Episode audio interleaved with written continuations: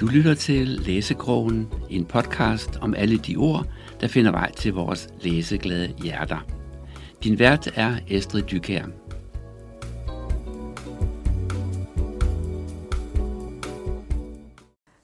Velkommen til Læskrogen, og øh, velkommen til øh, Annette, som øh, i dag går under navnet Annette Elga. Ja. men, øh, men det hedder du jo ikke i virkeligheden. Må jeg godt sige, at du hedder Annette Elgaard? Nu har jeg sagt det. Ja, ja det må du gerne. Det må du rigtig ja. gerne. Du er faktisk børnebogsforfatter, ja. blandt andet. Du er også uddannet læge, du er mor til fire, og så har du øh, skrevet sådan en, øh, en krimi for første gang, en voksenbog for første gang, som hedder Adams Offer. Mm. Og øh, jeg sidder her med bogen i hånden, og øh, forsiden fortæller faktisk rigtig meget af, hvad der sker inde i bogen. Det er noget med en øh, kaffekop, noget med et fingeraftryk, og øh, ja, så skal jeg ikke sige så meget mere, for det er faktisk der, det hele det starter. Vil du ikke uh, prøve at fortælle om uh, Adams offer? Hvad er det her for en bog? Jo, det vil jeg godt. Det er en øh, krimi, som handler om en kvinde, øh, som er læge og enlig mor til fem. Øh, hun har fem børn med fire forskellige mænd, og så øh, arbejder hun i medicinalindustrien. Hun er sådan en lidt øh, utilpasset type, for selvom hun er læge, så, øh, ja, så har hun ikke haft helt nemt, så hun er sådan lidt øh, atypisk. Øh, og en dag så møder hun på arbejde og bliver øh, i en dag om, så ender hun med at være øh, uskyldigt sigtet for et mor, hun ikke har begået. Ja. Øhm, og det er egentlig det, der sætter hele historien i gang, og det er det der fingeraftryk, som man kan se på forsiden. Der ja, fordi der er sådan lidt et, et, et, et, øh, et mind-trick i det her, fordi der står en kaffekop, og det kan jeg godt afsløre. Ja. Hos en, der er død, og han hedder Adam. Det kan ja. vi også godt, for bogen hedder Adams offer. Ja. Og på den her kaffekop, der er der et fingeraftryk, og det er hendes, men hun kender ikke manden. Nej. Og det hun så gør, øh, udover først, så bliver hun jo øh, altså, varetægtsfængslet, eller hun bliver, hun bliver taget ind og øh, kommer til grundlovshør, bliver, øh, hun er sigtet, men ja. hun får lov at gå. Ja. Og så har hun ligesom en bagkant. For om 10 dage, så skal hun øh, på ferie med sine mange børn, ja. og det er ligesom noget, hun har sparet op til, og rejsen er betalt og bestilt. Men når man er sigtet i sådan en sag, så bliver ens pas jo inddraget. Ja. Så, øh, og, så, og så har hun ligesom en bagkant. Hun er nødt til at på en eller anden måde øh, blive øh, frifundet, eller sigtelsen skal frafaldes hurtigst muligt. Mm. Men politiet har mega travlt, så de vil nok arbejde øh, enten ineffektivt og ikke have tid til sagen, så det er ikke prioriteret.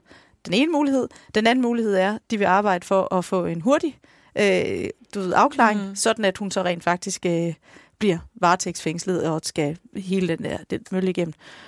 Og så har hun også et dilemma mere, fordi hun vil jo faktisk ikke rigtig have, at hendes øh, børn og eksmænd og sådan noget finder ud af det. Nej. Så hun kan jo heller ikke rigtig bede om hjælp frit. Nej. Så i alt det der, Mm. Det er sådan lidt en øh, ondskabens akse, hun bevæger sig i. Mm. Så skal hun, øh, så skal hun, eller så indleder hun sin egen efterforskning, mm. imens tingene lidt falder fra hinanden. Hun har en, en, en søn, som har virkelig et nært forhold til sin computer, og computeren mm. er jo, der er jo mm. blevet lavet en rensagelse, og computeren er blevet inddraget. Ja. Øhm, er du ikke lidt ond ved hende? altså allerførst vil jeg sige, lige sige uh, super tak. Det var en virkelig godt, uh, god beskrivelse af bogen. Jeg tror ikke, jeg har hørt uh, så god nogen, der har fanget det så godt og kunne beskrive det så godt som det der. Men uh, jo, selvfølgelig er jeg jo lidt ond ved hende, men er det ikke det, der... Uh, altså jeg tror, hvis der skal, man skal have en bog, som er spændende og som fanger, og hvor man får lyst til at... Uh, altså så skal der jo virkelig være noget på spil. Ja. Så, uh, så jo, jeg var nødt til at være ond ved hende, for ja. at sørge for, at der var rigtig meget på spil. Ja. Øhm, for hvis ikke hun havde haft en bagkant, øh, hvad skulle så få, have fået hende til, altså de der 10 dage, hun skal på ferie? Ja. Jamen, øh, så er jeg ikke sikker på, altså de fleste enlige mødre til fem eller almindelige mennesker, kaster sig jo ikke bare ud i at efterforske noget, så jeg skulle også have et eller andet, der gjorde, at øh, der virkelig satte ting ja, på spidsen. Ja, der er den her ikke? sense of urgency, fordi hvis ja. det var, så ville man måske sige, ja, okay, så tager jeg den pause, og så laver vi en, så laver vi en sag for øh, altså et eller andet bagefter, fordi man er blevet behandlet, som man er. Men der er nogle ting i spil. Ja. Og så har vi også nogle andre vinkler, fordi mm. det er jo mhm. ikke kun øh, Indigos vinkel, vi Nej. får. Vi har også øh, topledelsen i det firma, hun arbejder ja. øh, i. Og der er jo også en agenda der, og en, også en stærk kvinde. Mm-hmm. Der er noget med nogle... Altså, nu må jeg lige sætte den på spidsen her, for du har to stærke kvinder, og så har du en, en karakter også, som er i den anden ende af skalaen, og øh, som ikke er... Øh, som ikke er kvinde. Ja, ja, ja. det skal man selvfølgelig, jeg, jeg tror, han identificerer sig som, som mand. Ja, øhm, ja, ja. Men øh, er, det, er der en pointe i det her med, at du har ligesom en stærk kvinde, fordi det kan godt være, at hun øh, bliver ved, uskyldigt sigtet og alle de her ting. Og så er der en topleder i en virksomhed, og nogle af mændene, de bliver sådan lidt kastreret. Ja, ja altså, det er Har du... faktisk en, ja, ja. en helt klar pointe med. Det fordi, at... Øh, det er fordi, jeg selv øh, altså, blev træt af at læse øh, om bøger, specielt, altså, nu er den, den her har jo været længe undervejs, det er 14 år siden, jeg gik i gang med den, og dengang jeg gik i gang med den, der synes jeg, at alle de bøger, jeg læste, altså den her type bøger, politiske thriller, øh, spændingsromaner, krimi osv., de havde virkelig meget tit øh, mænd i hovedrollerne. Altså, og hvis kvinder var med, så var det næsten altid som offer. Så var det kvinder, der blev lemlæftet eller et eller andet. Og jeg var så træt af, ligesom, at hvorfor skal det altid, altså hvorfor skal der være så mange mænd med i bøgerne? Ja. Øhm, og så har jeg også og selv for nylig set en, øh, en udsendelse i fjernsynet, hvor det viste, altså hvor der var lavet statistik på i forhold til hvor mange, øh, mange øh, mandlige og kvindelige skuespillere, der bliver brugt i film og tv-serier mm. og sådan noget. Og det er stadig sådan, så der er en lang stor overvægt af mænd. Ja. Og det er der vist også nok stadigvæk i litteraturen. Altså, der er flere mænd i, især i den her type bøger, på trods mm. af, at det er øh, mange flere kvindelige læser til dem. Ja. Så, er det, så, så det var med helt med vilje, at tænke sådan ligesom, nu skal jeg have så mange, nu sætter jeg nogle kvinder i de roller, som der normalt plejer at være mænd i. Det ja. plejer at være mænd, der er i toppen af, øh, når, når der er et eller andet direktør for det medicinalvirksomhed. Ja så er det en, så er det en mand. Og, øh, ja, så, så, så der er rigtig mange kvinder i, og de mænd, der er i, de er lidt øh, nogle skvat. De er lidt nogle skvat, ja. ja. Og det er med vilje, fordi jeg havde lyst til at bytte rundt på rollerne. Ja. Men så gør du det alligevel ikke helt, jo. Nej. Fordi de er jo nogle, altså, de er jo nogle benhårde, top-tunede fitnessmaskiner, de der kvinder. Ikke? Altså, ja. så de har jo også, må man godt sige, lidt en, en maskulin side, mm. øh, hvor man så har en af karaktererne nede fra samfundets bund, øh, som i øvrigt arbejder som, øh, du ved, avisbud om natten og sådan noget, med sin knallert, og han... Øh, altså udover han måske er lidt, han er lidt, hvis man nu kan huske Terkel Knibe, og sådan onkel Stuart-typen, ikke? Han sidder mm. der lidt i sit kolonihavhus med en tydeligt meget, meget stærk moderbinding. Ja. Altså, det er sådan meget kontrastfyldt. Øh, men, vil jeg så sige, det er jo stadigvæk troværdigt mm-hmm. og realistisk. Mm-hmm. Og, øh, og er det sådan, har du sådan en lille øh, samfundskritisk øh, vinkel? Er det sådan noget, du vil vise, at det faktisk virkeligheden er sådan her? Fordi alle de der bøger, I skriver, der er det sådan her, men det er ikke særlig virkelig virkeligheden til sådan her. Har du, har du tænkt over det der? Nu har du brugt 14 år på det, så der må have været nogle tanker omkring det. Ja. Øhm, Altså, jeg har tænkt over det på den måde, at, øh, at mit hjerte, den, det banker ret meget for sådan, for, for, ja, for dem på bunden, som du nu kalder, hvad, mm. hvad man nu skal kalde det, jeg ved ikke, man kalder det på bunden. Men folk, som har haft det svært, og som har øh, haft en øh, hård start på livet, og har mange sorg og ar på sjælen.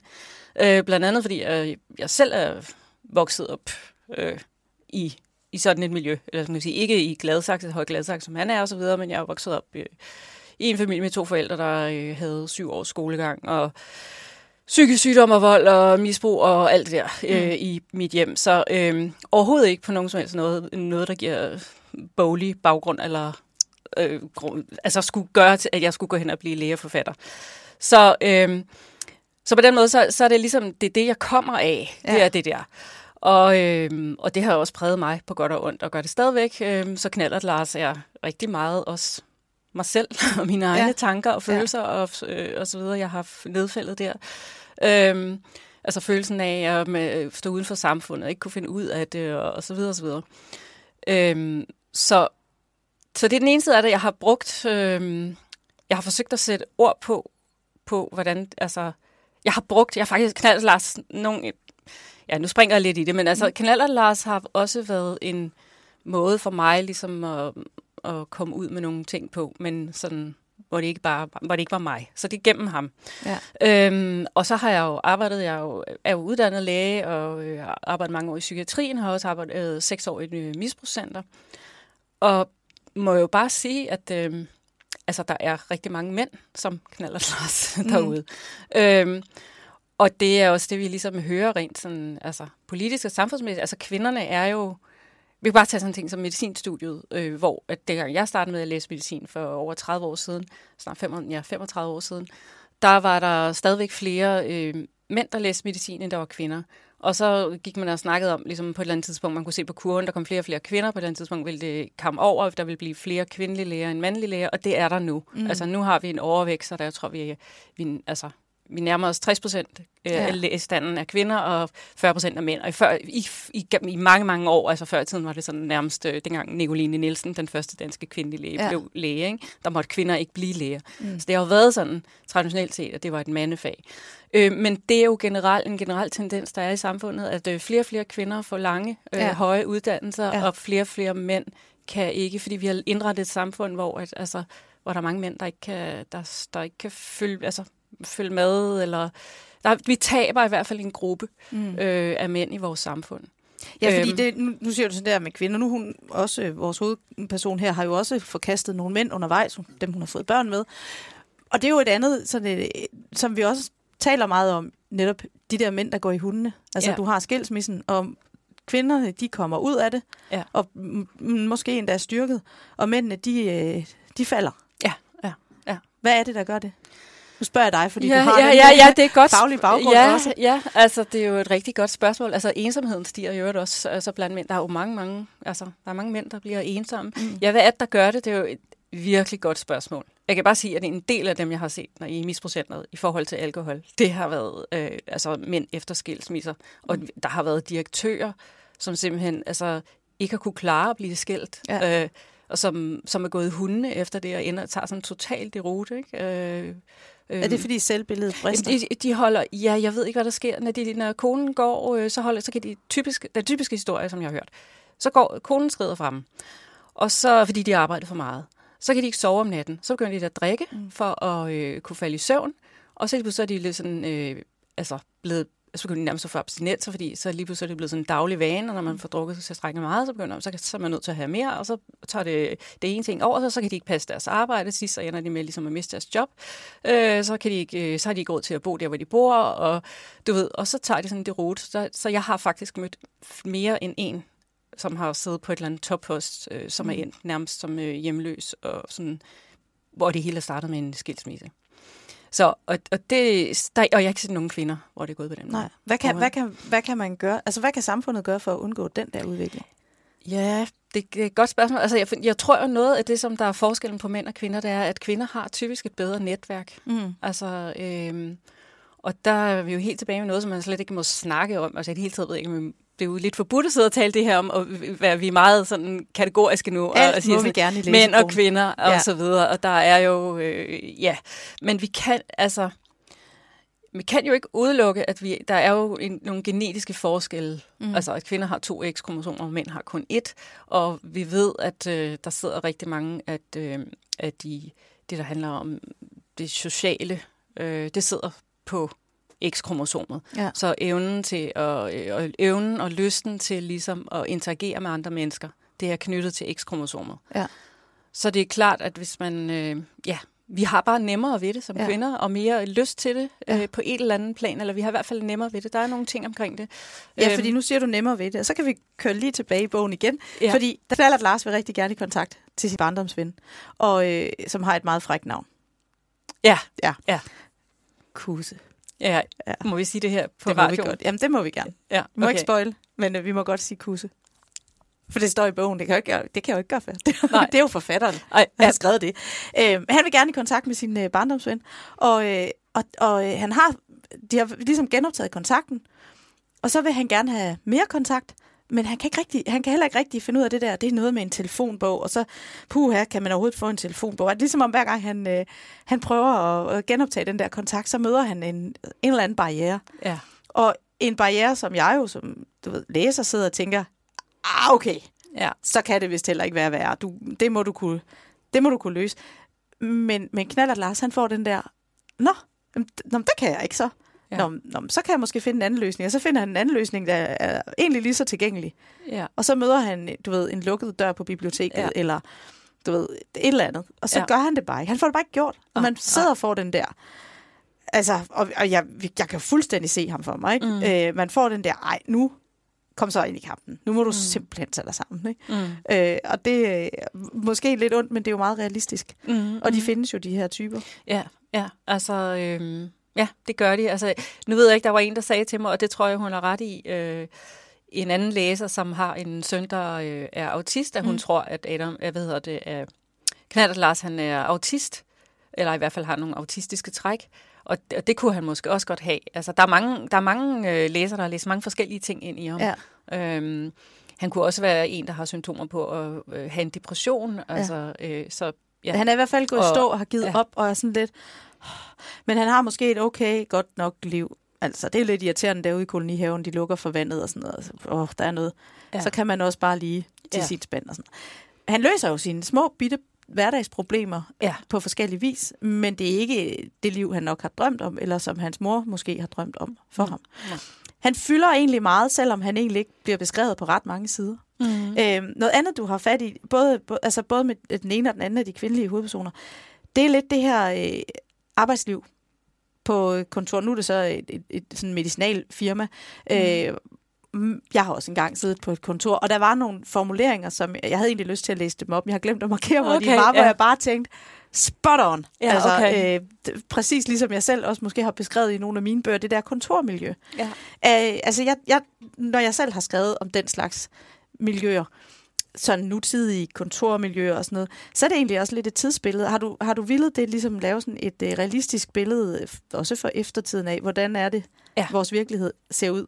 Ja, ja, det har jeg. Specielt, ja. altså det er helt med vilje, hun for eksempel sidder i storrumskontor. Altså mm. jeg synes jo, det er fandens opfindelse, eller ja. hvad man kan kalde det. Det er noget af det værste, der overhovedet er sket øh, i ja. arbejdslivet. Øhm, så ja, det er helt klart, øh, ja, det ja. har jeg villet. Altså, og, og så har jeg jo mere end det også, øh, det, der er noget af det, der også handler om, at øh, en anden motivationsfaktor for, altså for at skrive den her bog for mig har været, at jeg har gerne vil give et mere øh, ja, nuan, hvad skal man sige, nuanceret billede af medicinalindustrien. Øh, jeg synes, øh, at der er mange steder i fiktionens verden, hvor medicinalindustrien ligesom bliver beskrevet sådan lidt karikeret, hvor det altså er sådan helt oplagt, de er ligesom bare de onde mm. eller skurken.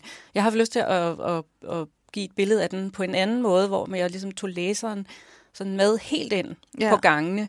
Øh, og vise, øh, altså brugt det som settingen, i stedet for rigtig mange krimier, så er det måske en politistation eller en øh, avisredaktion, der ligesom er settingen. Så har, er mit øh, ja, så har mit mål været, at, at, at det skulle være et medicinalfirma. Mm. Jeg vil hellere, jeg vil vise et sted, som en verden, som er rigtig lukket for de fleste mennesker. Ja. Jeg har lyst til at tage folk med ind i den verden og vise dem, hvordan ser der egentlig ud bag alt det der, som når vi bare er vant til at høre om det, som om det er skurkene. Eller det er de Men det er jo også fordi, lige præcis medicinalindustrien har jo sådan et, altså, der er jo et, noget, noget med det etiske og moralske kompas. Ja. Ikke? Fordi i princippet så er det jo noget med, de, de er jo sat i verden til at, at skabe nogle øh, kemi, Altså mm, det, det er kemi, mm, der mm. skal hjælpe mennesker til at få det bedre. Ja. Det er sådan bottom line. Men så er der også bare en anden bundlinje, mm. der handler om økonomi. Ja. Og det er jo nogle af de virksomheder, nu har vi jo nogle stykker i Danmark, som mm. virkelig, hvis du er, har investeret på det rigtige tidspunkt, så kan du være blevet rigtig, rigtig ja, rig. Ja, ja. Specielt lige nu her. ja, og, og, og der kan man sige, altså, det, det er jo et interessant krydsfelt mm. imellem det etiske og det moralske, og så øh, altså, kapitalen, ikke? altså ja. den økonomiske ja. verden. Ja. Hvordan, øh, hvordan har du gravet dig ned i det? Hvordan, øh, hvordan får du informationerne? Fordi man kan jo ikke bare nej, sådan... Nej, nej. Det er øh, et rigtig godt spørgsmål, fordi det er også en af grundene til, at det har taget mig 14 år at skrive den. Altså, mm. der er mange grunde til, at det har taget mig så lang tid at skrive den, men en af grundene er præcis det. Fordi da jeg gik i gang med at skrive den, så troede jeg, at det kan jeg da godt, jeg er jo læge, og jeg ved en masse om, hvordan sådan noget forskning det foregår, og så videre.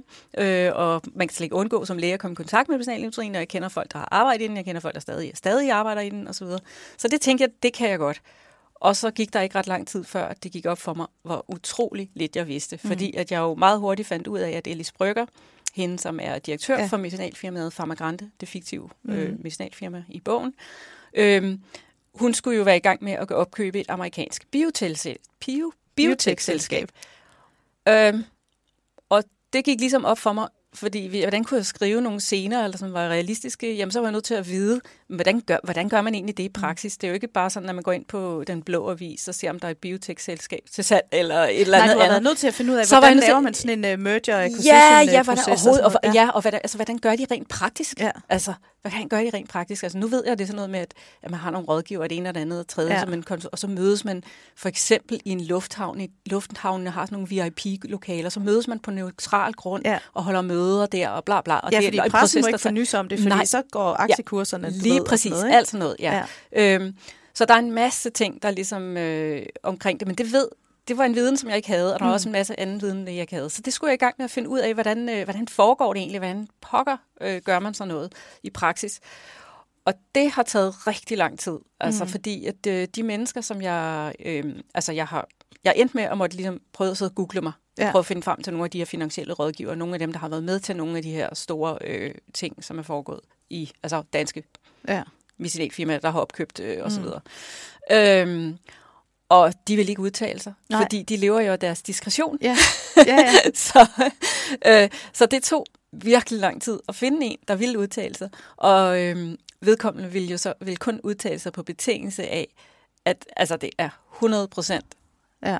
anonymt og hemmeligt, og det er kun mig, der ved, hvem vedkommende er, ja. og det kommer aldrig nogensinde øh, komme frem. Så, øh, men det har, altså, vedkommende har så øh, har, har hjulpet mig rigtig meget, for jeg har jo spurgt ind til en masse ting og fået en masse ting at vide på den måde. Men det var ikke nemt, øh, og det kom bag på mig, mm. at det var så svært. Øh, ja, at få men bare det, informationen. Ja, ja, ja. Så det er en, det er en lukket verden. Øh, øh, ja, så, så det, det er ikke helt dem.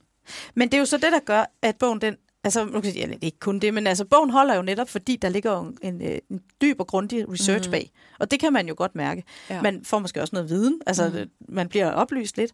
Mm. Men det, der også er ved den, det er jo, at det er jo en, det er jo en dansk bog. Mm. Den foregår i Danmark, og den foregår i, i et realistisk Danmark. Mm. Altså, ikke en af de der, hvor vi hopper ud af en helikopter og overlever ved at kunne lige et eller andet, lave vores vindjakke op til en faldskærm, og så gik Ej. alt godt. Altså, vi er øh, i det nordsjællandske, vi færdes rundt omkring, du siger jo selv Høje Gladsaxe, i, øh, altså, i miljøer, vi alle sammen på et eller andet plan kan genkende. Øh, og i, øh, inden for dansk lovgivning, mm. sådan som den er, er gyldig nu. Du må, altså på 14 år må du også have skulle opdatere nogle, øh, mm. nogle mm. ting omkring, hvordan tingene foregår, også i forhold til hvordan politiet arbejder, for eksempel. Mm, mm. Øh, fordi hvordan har din øh, indgangsvinkel været til, til netop politiets arbejde og øh, anklagemyndigheden og alle de her forskellige ting? Ja. Øh, hvordan har... Hvordan, øh... Ja, det er godt, for jeg har faktisk øh, glemt at skrive til sidst, og jeg, øh, jeg takker en masse mennesker til sidst, og jeg har glemt øh, den politimand, som jeg har brugt. Det her Ove Dahl øh, ja. har jeg faktisk brugt jeg i, i, især i... Øh, ja, ikke i starten, men i 2016 og 17, tror jeg. Øh, jamen, jeg har med vilje valgt, nu springer jeg lige i det, men fordi jeg har med vilje valgt, at det ikke skulle være en politimand, øh, eller politikvinde, som var i havde hovedrollen. Ja. Øh, fordi jeg havde lyst til at skrive en bog, som var alt det, du siger før, som virkelig var realistisk, og som hvor at hovedpersonen kunne have været dig eller mig. Ja. Hvor man virkelig kunne få den der identifikation, mm. og virkelig føle, at det her kunne være sket i virkeligheden. Ja. Øh, det, det, det synes jeg selv giver de bedste historier, eller ja. det, det andet kan også være spændende, og jeg skriver jo også fantasy til børn og alt ja. andet. Men altså, jeg havde virkelig, virkelig lyst til, at det her det skulle være så tæt på virkeligheden som muligt. Øhm, så, så derfor er der ikke en, øh, en hvad hedder det, øh, er der ikke en politimand i hovedrollen. Og det gjorde det også lidt nemmere for mig, for der er en masse polititeknisk, som jeg ikke har skulle ja. have sætte mig ind i. Det ja. gjorde det, altså på nogle punkter, det gjorde det meget sværere på nogle andre måder. Ja meget, meget, meget sværere ja. det af, hvis jeg havde vidst, hvor svært det ville være at, øh, for en almindelig person. Ligesom, altså hvordan, fordi der er jo så mange ting, hun så ikke kan gøre, ja, som politiet præcis. kan gøre. Så mange ting, hun ikke har oplyst, øh, ja. adgang til osv. Øhm, men lige nu spurgte du lige omkring det med, om jeg har skulle opdatere noget med det polititekniske. Det, jeg synes ikke... Øh, øh, ikke andet end lige omkring det med fingeraftryk, at man så fik håndholdte scanner og ja. sådan noget. Ja, ja, ja. ja. Øhm, men det havde man allerede, det havde bare ikke taget i brug endnu på det tidspunkt, men det havde jeg set på nettet, at de gjorde, så jeg tænkte, det kommer nok, så jeg mm. det skrev. Og det, det kom ind. Ja, ja, så skrev jeg ind, ja. Så. det var heldigt nok. ja, så, men ellers så, ja, så har jeg faktisk haft Ove Dahl til øh, at tjekke det politimæssigt, okay. så det er i orden. Så, ja, men, men man kan jo godt mærke det i orden. Altså, ja. Og jeg vil sige, øh, eller ikke vi... til at tjekke, hvad... Jo, jeg har snakket med ham i telefon og fortalt ham sådan og sådan ja. og sådan. Ikke? Jeg har spurgt ham ud, hvordan også i forhold til, hvornår med dommermarkvagten og alle de der ting. Ja. Og om det er realistisk, øh, at man ville sigte en, hvis, hun, hvis man fandt sådan et ja. fingeraftryk. Og, ja. øh, og det var det, men, det, men dommeren ville helt sikkert også løslade næste dag. Og, ja. ja det er, jo, det er jo en rigtig god og spændende bog. Mm. Den har den styrke, at den er dansk, foregår på dansk grund. Det er ikke et eller andet oversat amerikansk med en masse urealistisk. Øh, sproget er dejligt. Tak. Øh, nu får du bare sådan lige mine, ja, ja, og, ja, men det, det mine tanker her. Øh, og jeg, jeg, jeg er blevet lovet, for det står på flappen, at det er bare den første i en serie. Ja. Så øh, skal vi vente 14 år på den næste? Nej, det håber jeg i hvert fald ikke. Nej, planen er, at den næste kommer i 2024, og jeg har allerede skrevet halvdelen af den. Okay. Så den er på vej. Jeg vil ikke afsløre titlen, men øh, jeg kan jo sige, at det er samme hovedperson og også nogle af de samme karakterer. Det kan man næsten regne ud, ja. som fortsætter, fordi jeg har jo sat en masse op her. Ja. Øhm, og så foregår den jo selvfølgelig også i medicinal, medicinalindustrien, øhm, men med en vinkel, som jeg aldrig ikke har set nogen andre nogensinde udfolde før. Så, øh, så, så derfor holder jeg, videre. nej, så, den, så jeg holder tæt, har klokkene meget tæt på ja. kroppen med det her, og, og også titlen, øh, for den vil afsløre noget. Øh, så, og det er faktisk en idé, som jeg har fik øh, for helt tilbage i 2002, for det skal være løgn, mens jeg var medicinstuderende, mm-hmm. øhm, hvor der var en, øh, ja, det aller sidste øh, semester på medicinstudiet, hvor der var en overlæge øh, på gynækologisk afdeling på Herlev, der sagde noget, som fuldstændig slog benene væk under mig. Og jeg har gået og glædet mig i mange, mange, mange år til at kunne fortælle den historie. Så ja, den, så den må vi glæde os til og ja. vente i spænding. Mm. Adams offer er udkommet på øh, Superlux forlaget, og øh, under pseudonymet Annette Elga. Mm. Tusind tak, fordi øh, du har skrevet bogen, og tak, fordi du har lyst til at komme og fortælle om den i ja, Tusind tak, fordi jeg måtte.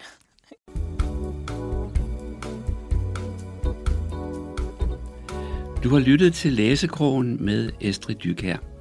I teknikken sad Flemming Vestergaard. Følg med på læsekrogen.dk eller find os på Facebook.